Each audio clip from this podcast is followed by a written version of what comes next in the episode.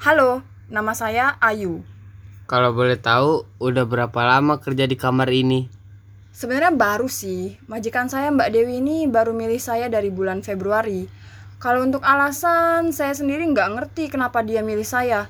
Karena biasanya dia suka pakai Mbak Bobo atau Mbak Maha. Secara ya kan, Mbak Bobo itu udah ada bahkan dari sebelum Mbak Dewi lahir.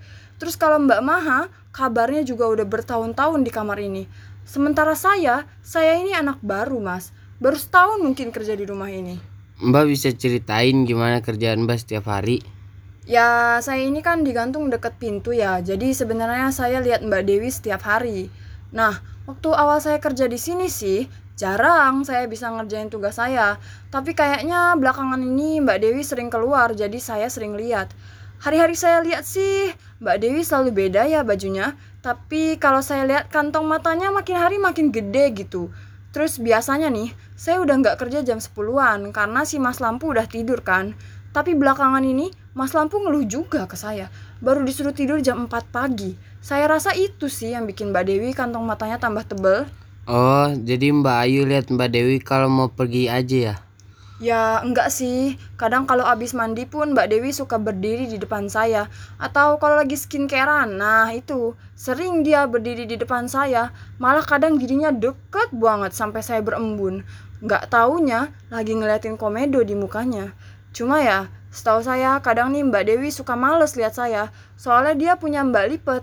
Jadi kadang kalau ngaca kecil-kecil ya pakai Mbak Lipet itu nggak apa sih saya Mbak Dewi masih lebih sering ngaca di saya jadi saya bisa lebih tahu keadaan Mbak Dewi Kalau Mbak Dewi biasanya skincarean tuh ngapain aja? Kadang itu dia pakai kertas-kertas gitu di hidung. Kadang juga dia pakai kayak sikat gigi di hidung. Kadang juga dia pakai apa tuh kayak sendok kecil buat oles-oles di wajahnya. Kadang juga nih mbaknya suka notolin-notolin apa gitu. Putih-putih di hidung jidat pipi dagu. Terus diolesin lah tuh ke mukanya. Nggak ngerti sih saya. Tapi yang saya tangkep ya mbak Dewi masih nggak puas juga sih. Nggak puas gimana maksudnya Mbak? Ya kadang nih ya mas Dia suka kayak kesel gitu kalau habis ngaca di saya. Kayak duh muka gitu loh. Ya saya lihat juga sebenarnya Mbak Dewi ini seperti yang gak suka gitu sama mukanya. Gak ngerti ya saya sih Kayaknya mungkin banyak masalahnya gitu itu muka. Ya tapi gara-gara itu Mbak Dewi jadi sering males lihat saya gitu. Padahal kan ya Saya nih kerja sungguh-sungguh. Apalagi kalau siang hari Ya saya cuma memantulkan yang sebenarnya gitu Eh Mbak Dewi malah ngejauhin saya. Gimana tuh ini? Saya kan jadi sedih ya, Mas. Oh, jadi Mbak nggak betah ya kerja di sini? Loh, enggak, bukan enggak betah toh Mas. Ya, saya ini betah. Suka juga kerja di sini. Orang saya jadi lebih sering dilihat kan. Tapi ya, saya suka sedih aja gitu. Selain dijauhin, Mbak Dewi juga nggak suka ngaca. Soalnya dia ini nggak pede sama mukanya. Sebel gitu sama mukanya. Kayak saya bisa ngerasain kalau dia frustasi gitu. Karena usahanya buat memenuhi standar kecantikan yang sering disebut orang-orang itu ya selalu nggak berhasil. Susah gitu deh tipe kulitnya.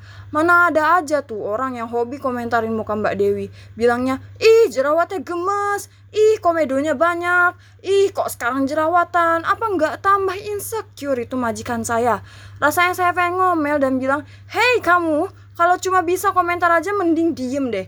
Kayak yang mau beli aja skincare ya. Dikira beli skincare sama kayak beli gorengan. Gitu. Eh, oh maaf mas, saya jadi emosi. Iya iya nggak masalah Mbak, saya paham kok.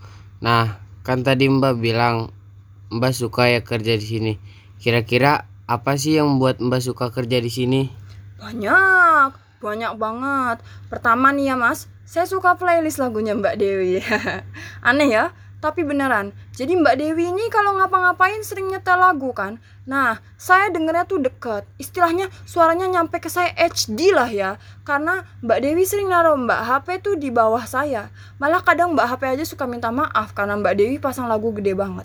Tapi jujur, saya malah suka karena hidup saya jadi lebih rame gitu. Terus saya juga suka soalnya Mbak Dewi kadang-kadang suka tiba-tiba bilang baju saya ini cantik padahal saya nggak pernah ganti baju. Baju Mbak kayak gimana emang? Baju saya ini warnanya emas. Terus ada motifnya di seluruh baju. Keren kan? Oh iya iya termaksudnya keren lah Mbak. Terus ya, saya juga suka kerja di sini karena Mbak Dewi sering latihan senyum di depan saya sambil ganti-ganti gaya senyum. Meskipun saya nggak paham sih tujuannya buat apa, tapi senang aja gitu mas. Ada manusia yang mau tersenyum buat saya, jadi saya makin semangat kerja. Kalau yang Mbak nggak suka dari kerja, kerja di sini ada? Ya ada lah ya, satu dua hal kayak kalau pagi sampai siang tuh mataharinya kenceng banget jadi saya ikut kepanasan. Saya pengen minta dipindahin, tapi katanya Mbak Dewi sengaja naruh saya di situ. Jadi kalau ngaca jelas gitu. Sama ya, saya sering lupa dibersihin gitu mas. Debunya banyak banget sampai saya suka bersin-bersin. Untung alergi debu saya ini nggak parah. Kalau parah, saya udah keluar kali dari kamar ini. Tapi gitu aja sih, saya masih bisa tahan. Nggak terlalu parah kok. Nah, kira-kira ada yang Mbak pengen sampaikan gak ke Mbak Dewi?